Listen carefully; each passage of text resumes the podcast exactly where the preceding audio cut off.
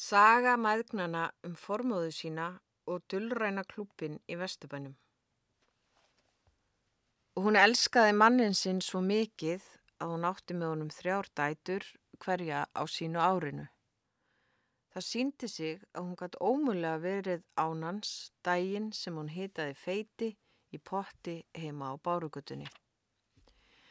Skindilega kviknaði feitinni svo ljósir logar stóðu upp úr pottinum. Hún þaut út á garsliðinu og rópaði hann Svenni, það er kviknað í húsinu. Engu skipti þó að hann var í statur á smíðaverstaði í Kópavogi. Hann var alltaf hjá henni, á sinn hátt, líka eftir að hann dó. Hægláti maðurinn sem hún hafi gifst hjá síslumanni í trási við tíðarandan og unni heitum hug ástum Hún sem gæti ekki verið undir sama þaki og felsenborgarsögurnar. En það lág henni við aðsvifi þegar tengdasónur hennar leiði dóttudóttur hennar að lesa klæmið sjóaragasprið með þeim orðum að það veri betra að börn læsu allt en ekkert. Að vissuleiti, ekki öllu, en vissu var henni nöp við tengdasónin. Hann var 16 árum eldri en dóttur hennar Angan fína Imba Frans eins og hún kallaði elstu dóttu sína. Hún hefði geta fundið sér ólíkt eigulegra mannsefni en miðaldra rítöfund sem var alltaf því kvenlegur í tepruskap sínum og kennjóttri sérfiskunni. Samt höfðu bækutan hans verið lesnar spjaldan á milli á heimilennar og stundum upphátt þegar þannig lág á fólki. Það var áður en elstadótturinn lent á sjönsmiðunum. Eitt var að lesa rítöfund, annað að horfa upp á hann fjölga afkomendum hans. Hún hafði ali dætur sínar upp svo þar yrðu reffilegar stúlkur. Kvartar til að lesa bækur á öðrum tungumálum, læra á píjano og söma tískukjóla upp úr erlendum tímaritum. En hún náði ekki innræta þeim áhugan á andlegum málefnum. Í dullrænaklúpnum fundið hann með tveim konum sem hétu sama nafninu. Báðar konurnar höfðu verið giftar frændumennar og þar byggu allar í vestubænum ekkjur undir það síðasta. Eflaust þráðu þær að ringi eigimenn sína þegar þeir týndu tölunni. Líkt á ósjálfráðaskriftin væri sveita sími í annari vitt. Í einu sliku símtali varaði maðurinn hennar heitin þar við að eftir jólinn kemi þriðji ein maðurinn yfir móðuna miklu. Þau jólinn var borðhaldið með hátilegra móti. Þó að heimilisfæðrin bæri sig vel, vissi húsmóðurinn um skilabóðin sem reyndust rétt. Það röldu gerðnan á milli dúkkulegra bárujárshúsana í Vestubænum áður en það var sest niður á bárugutunni. Þar fenguð þær sér mólasópa og pönnukökur með tíu ekkjum, vafðar utanum rababarasöldu og rjóma. Ég vil byta vestfyrskum nóðmör því spjallið við handanheimana útheimti orku en líklega var beðið með hressinguna að þanga til því var lokið. Vinkonunnar sungu sálma áður en svo sem var með mestu himnatenginguna fjall í trans og hinn vinkonan hraðskrifaði allt sem hraut út úr henni í transinum. En stundum skrifaði svo sem fjall í transin ósjálfráða skrift, líkt hún var í engaritari andana. Á einn eða annan hátt voru þær allar engaritarar andana. Langamann var með svo gullfallega skrift að hún hreinskrifaði ósjálfráðu skriftina í stílabækur. Erfingjarnir eiga í brösum með að staðsetja þessar bókmyndir í bókaskapnum sínum. Og þó, kannski eru allir rítöfundar, engaritarar, andana. Á sinnhátt lifðu þær í skaldskap. Það finnst einhverjum afkomendum meðan aðrir segja að miðlar hafi verið þess tíma sálfræðingar og há virðulegir dullrænir klúpar vestur í bæ svipaðir sjálfsjálfargrúpum nútímans þar sem meðlemið geta talað út um sín hjartans mál í skjóli himnaskilnings.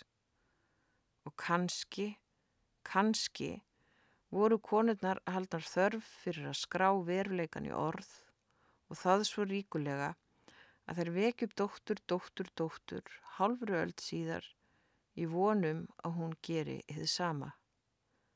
Svo allt glatist ekki, eins og hverjunu búslóð sem tvistrast og týnist þegar heimilismeðlimir deyja. Nei, allt býr í stílabókunum. Skiptarskoðanir er um Dullrannaklúpin sem vittnaði síföllu í Suma. Sumir voru þau að handan sem sögðu þeim allt um giftingu dætrana og gáði engarítrunum ráð út af drikkfældum frænda. Sumir sögðu að hann myndi jarða bokkuna, fullir þið einu vongóð, en þá hafði henni misherst því sumir sögðu að hann er þið jarðaður með henni. Var raunin svo? Það er erfitt að segja. Eitt er víst að drikjan var bæði lifendum og látnum til ama. Afkomundunir velta þessu fyrir sér, en minningar þeirra eru ríkfaldnar og framhaldsagan glataðist þegar nokkra stílabækur hurfu, líkt og bókelskri draugar hafi sótt þær í húmi nætur. Afkomendunir láta sér næja að segja sögu eins og þessa. Langamann ringdi í sáluvinnurnar og sagði að þær eru að drífa sig yfir því hjá sér var í statur miðill frá Ameríkunni. Þær yrðu að koma strax áður en konan fjalli í trans. Afkomendunir smjatta brosirir á snuppóttri sögunni yfir kaffibodla og minnast þeirra sem eru hornar. Nema þær siti á óraðum stað og lesi orðin sín og henni engaritara hérna megin lífslínunar eins og bókmentaafinn var vanur að lesa orðin sín ofan í dóttur langamunnar sem velritaði svo hratt að hugsanir hans urðu hennar. Stundum, segir Eija við mömmu, finnst henni vinkonunum bregða fyrir þegar hún gengur bárugötuna heim á drafnastíg og stríkur fingugómanum eftir gömlu járliði sem langavennar smíðaði og langamennar greip í þegar hún hrópaði á hann yfir heilu bæjarfélögin og feitin stóði ljósum lofum. Þannig er það að vera með hausin fullan af skáldskap, segir mamma og lifti botlanum um leið og hún spyr hvort eigi eigi meira af þessari dásamlegu kaffiblöndu. Óvið fengjanlegt gildi endurtekningarinnar. Skíðadrottningin segir farið sínar ekki sléttar eftir æfintri næturinnar. Hún hefur aldrei sögu að segja þó að svo saga stangist í einu og öllu á við sögur fjölskyldunar á ættarmótunu og næturgestana á tjaldstæðinu af viðskiptum þeirra við staðarhaldaran í Munkvísjön. Þetta er svo heimáttalegt að það má ekki sjá mannesku frá öðru landi að þess að fyllast yfir þyrmandi þörf til að hendin á dyr andvarpar hún armaðu full. Vá, glatað, tautar eiga með öran hjartslátt. Já, það er glatað, helvíti glatað, endur Ómar Rúna með andlitstrættina herta af hugaræsingi og opna björndós með kvelli svo út úr freyðir. Ég elskan, bætur hún síðan við, grunnsamlega gladleg. Verkin vinna sér ekki sjálf. En ég ætla að skrifa, já, já, Þegar við erum búin að laga til. Hvenar? Tekur í mestalagi tvo daga ef þú haskar þér allskan. Og það er byrjað að laga til í húsinu hennar rúnu, hinn húsin býða þangar til liðið af ættarmótunu hunskast af stað. Gef það hans í elskan svo við komumst áfram fyrir kvöldið, rópa rúna. Ekkert er nógu vel gert, sama hversu oft hún sípur kveljur í djúbulauginni. Intak endurhæfingarinnar eða öllu heldur endurtekningarinnar verist samt við sig. Hún þarf að koma sér í skilning um að það er nöðsilegt að gera betur en maður getur, sönglar skíðadrottningin, og til þess að skilja það þarf maður fyrst að fara á blúsandi bömmur yfir eigin auðmyggjaskap og reyna aftur. Eija grúfi svo hann í klósettið og kreistir ægjakstúpuna af öllum krafti í þetta sinn. Af hverju hefur hún ekki heyrt frá honum? Ætti hún að ringi í hann? Hvað á hún að segja? Hann vill að hún ringi til að segja að hún elski hann, en hún getur það ekki. Hann langar bara að ringi í hann til að líða betur. Ef hún gerir það, þá hæðist hann að henni. En, akkur hefur hann ekki ringt? Nei, nei, nei, þið fórstorja ykk, góði minn, gala rúna skindilega, svo bæði eiga og smástrákarnir rökk upp úr hengjörningunni. Du og din familja er bara skið og ingenting og ég har, ég er ykk öðlegt ingenting, så nú skal du barasta betale. Samræmprófi dönsku er nóg til að eiga súpi kveljur yfir skandinavískunni. Það er engu líkara en þær séu stattar á furðulegri fluguplánutu þar sem samskonar atvik og verkefni endur taka sig dag frá degi. Hún hendist fram að baðherbygginu með tuskun á lofti og sér grilla í solbrúnum kallmann í stuttbuksum og solgulum ból. Hann er mættur fyrir hönd stórfjölskyldunar af ættarmótinu til að tilkynna að þau ætli ekki að borga af þeirri einföldu ástæðu að staðarhaldarinn eidilegði hátíðahöldin sem búið var að skipulegja mánuðum saman. Já, kikkiði bara for a little dance, hvæsi Rúna og bandar ríksuguhusnum framann í mannin. Ef þú kallar að dansa hrinja ofan á hlaðborðið, segir maðurinn þurrlega á sænsku og snýst á hæli. Henni sé velkomið að ringja laurugluna, kallar hann út undan sér svili hans í sveiðislökunni og hafi reyndar varaðan við henni þegar þau mætt honum á þjóðveginum daginn áður. Rúna horfi gapand á eftir honum. Síðan lítur hún á eigu og spyr Skildir þú þetta síðasta? Eiga híkar áður en hún lígur? Nei. Þriðja stig endurhæfingar setni hluti að gera sitt besta og finnum leið konuna í sér. Óréttlæti heimsins eru engin takmörg sett. Nú er búið að svíkja rúnu í tvígang og breyðarfjörðar ílskan rýður ekki við einteiming. Hún botna hvorki uppni niður í svörum konunar á skiptiborðinu á lauruglustöðinni því síður skild hún bofsi viðmóti lauruglunar í þetta eina skipti sem hún náði að hafa tala af henni eftir að Gustafsson ættin stakk af frá reikningnum og skellti á þegar varstjórin baðana um að haldi ekki símanum því það stæði við leit að árusargjörnum skóarbyrni. Hún er fullkomlega valdalaus anspænis norrænu glæpahiski.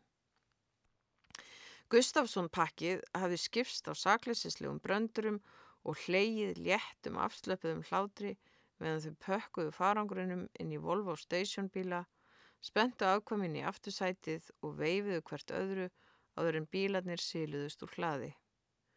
Þau hefðu ekki litið í áttina til rúnu sem húkti út á pallinum með andlitið hulið undir skikninu á kaskeitinu. Hún reykti og horfði á eftir þeim, hallaði olbónum fram á krosslaða fætuna, dinglaði stælt um kálvanum rætt. Þau skildu sko sjá að Rúna Sigurgrímsdóttir leti engan ræna sig allra síst skandinavist fjölskyldu fólk í raunum.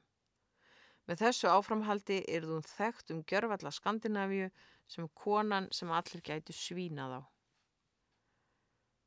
Næstu dag hamast eiga einn í reyngjörningunni enda aðeins svo mörgu að huga við rekstur sumarhúsa, tjaldstæðis og bráðum sumarbúða að Rúna nærvarla að hugsa heila hugsun. Hún hefur ekki einu sinni gefið sér tíma til að súpa bjór.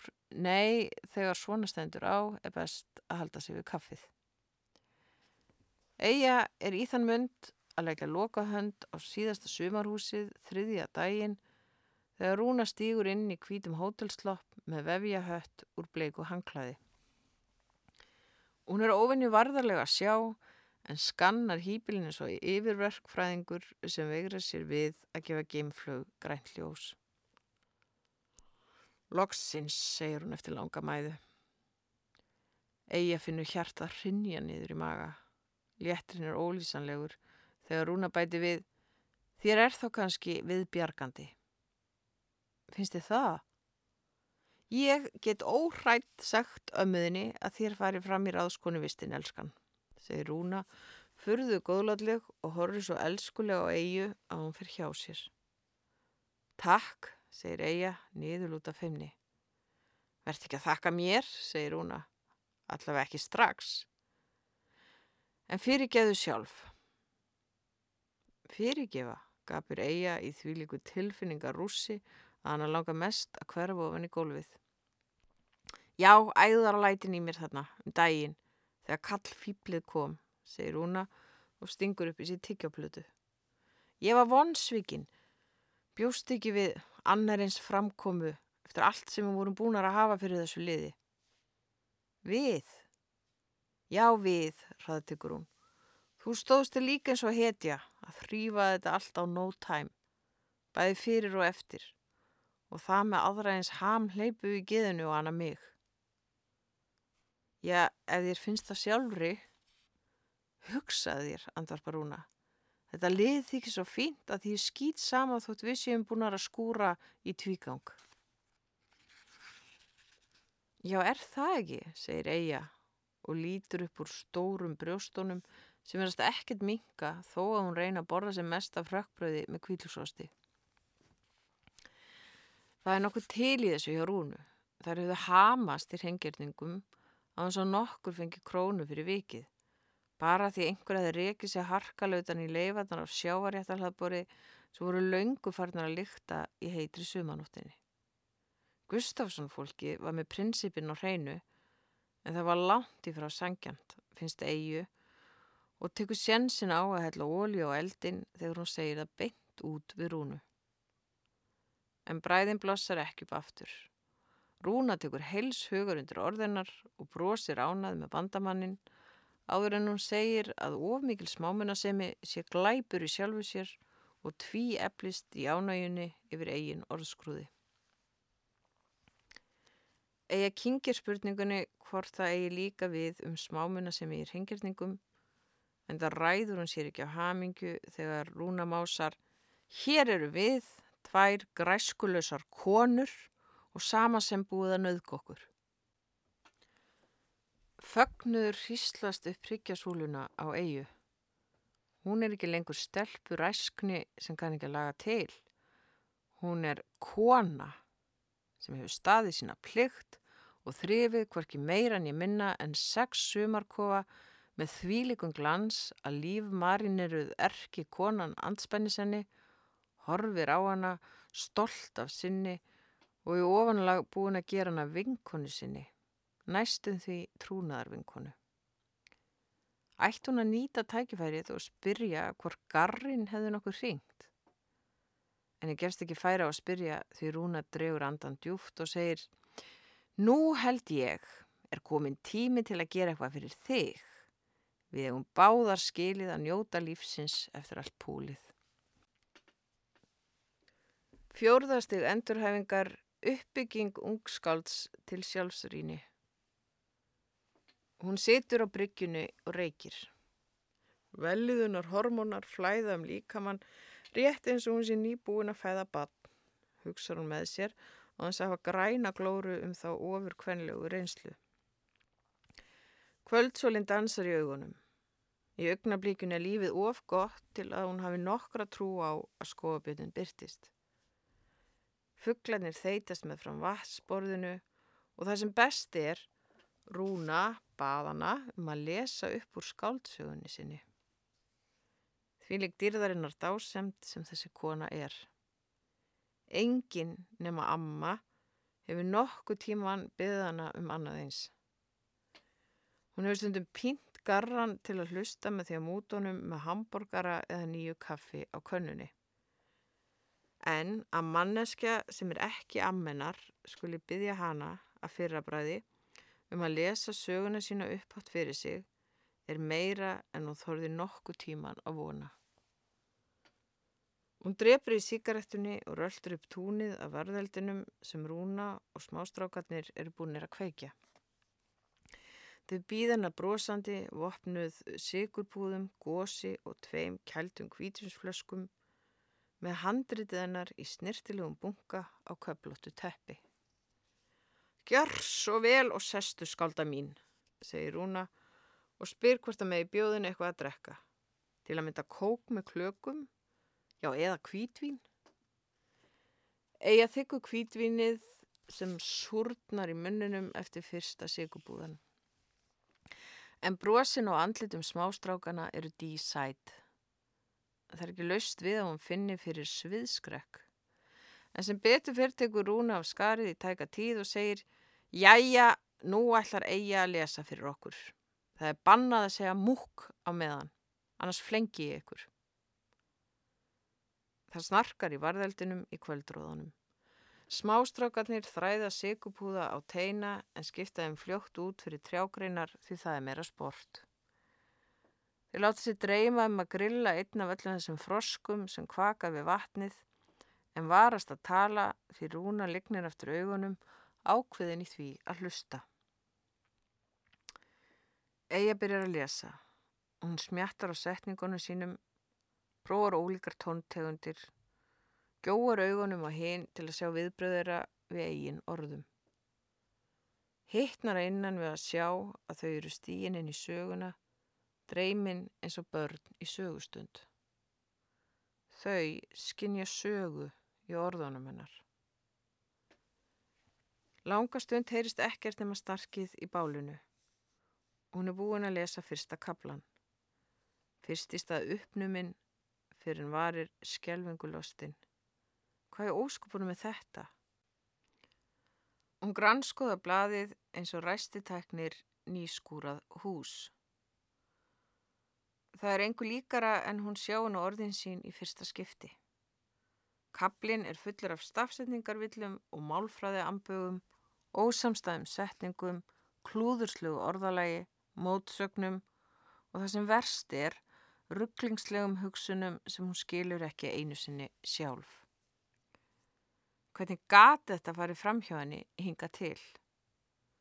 Tekstinn minnir á sturtubotnin í fyrsta sumarhúsinu áður en Rúna bentin á að nota frekar æjaks og grófan svamp en bortusku. Hann var óhrein þakin ljótum skellum og stíplaður eins og niðurfallið, klístraða kinnfærahárum og sjampóklessum. Getur verið að hún hafi kastað til höndum? Hún teigar í sig vínið og fyllir aftur á glasið í ofbúði.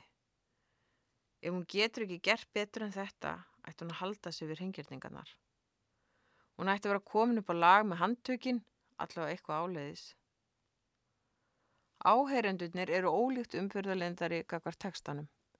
Skíðadrottningin skæl brosir og opna nýja kvítinslösku, búin að byggja eigin og mikið upp til að hún geti brotið sér niður af sjálfdáðum. Lestu meira, rópar dökkari smástrákurinn en svo ljósari hjúfra þessu upp að henni og spyr hvort hún geti gefið sér eintak þegar sagan verða bók og kist fyrstu síðuna með bleikum varalit. Mammans hlær sínum ráma hlátri, sípur á vínunu og rótar í glókollinum. Hún horfir á strákin sinn svo heitum mömmu augum að eiga kvenkar sér af skindilegum söknuði eftir mömmu. Af hverju á mamma ekki góða mann eins og Rúna? Hún hefði geta hitt rétta mannin og ferðast með honum út um alla trissur eins og Rúna gerir með manninum sínum þegar hún er ekki að kaupa sér jarðir eða príla jökla. Mamma fór reyndar í ferðalega með Ken þegar þau heimsóttu Eyju vestur á fyrði. Eyja mann þegar hún steg út úr legubilnum. Mamma! társtrókin að gera upp við hróa leigubilstjóra á gamla bensinum. Í leikmynd sem hann átti ekki heimi, með rústirnar í baksín þegar hún hrópaði Angan fína imba frans og veifaði heiminlefandi glöð að sjá dóttu sína. Hún virtist undarlega ókunnug eða var dótturinn framandi í augum móðurinnar. Þarna fyrir fram að pastelgræna veðraða blokk í kvítum stígvölum og vinnugala með þrjá kaufélagspoka. Búin að kaupa allt gott sem var til í kaufélaginu og þrýfa dögum saman. Hæ, muldrað hún þegar mammenar þaut upp um hálsin áni. Hvernig gekk ferðin? Ákaft faðumlægið var eina svarið um stund. Lók stundi mamma, þetta var dýrlegt, ég einu orði sagt dýrlegt, angan fína Imba Frans. Ég minn eini, hvað er gott að vera komin hinga til þín. Syngjandi rómurinn brast, snögt og hlátur runnu saman í eitt þegar hún lagði hendur á axli dóttu sinnar og hallaði sér aftur vantrúð á svip. Brosti og leitt á blokkina, setti óselrátt í brítnar en sá að sér og spurði Er það hérna sem þú byrð? Já, saði Eija, við búum hérna. Þú og hann? Já. Hvinna fæ ég að sjá hann? Bara bráðum, jafnlaði Eija, óviss um hvort garrin var í sofandi eða hvort hann hefði hengslast í beitningaskúrin eftir að hún fór í fristuhúsið. Hún flýtti sér að opna útiditnar, stressuð þegar hún fann að þrátt fyrir hamslusa rengirningu undanfarina daga lyktaði íbúðin ennþá af eftirmiddagsbar undangengina mánada og goti læðunar með tilherrandi katalhandi. Hún hefði átt að kaupa ilmkerti. En mamma sagði ekkert nema Nei, en gasalega fínt, elskan. Mér óraði ekki fyrir að þú byggir svona vel.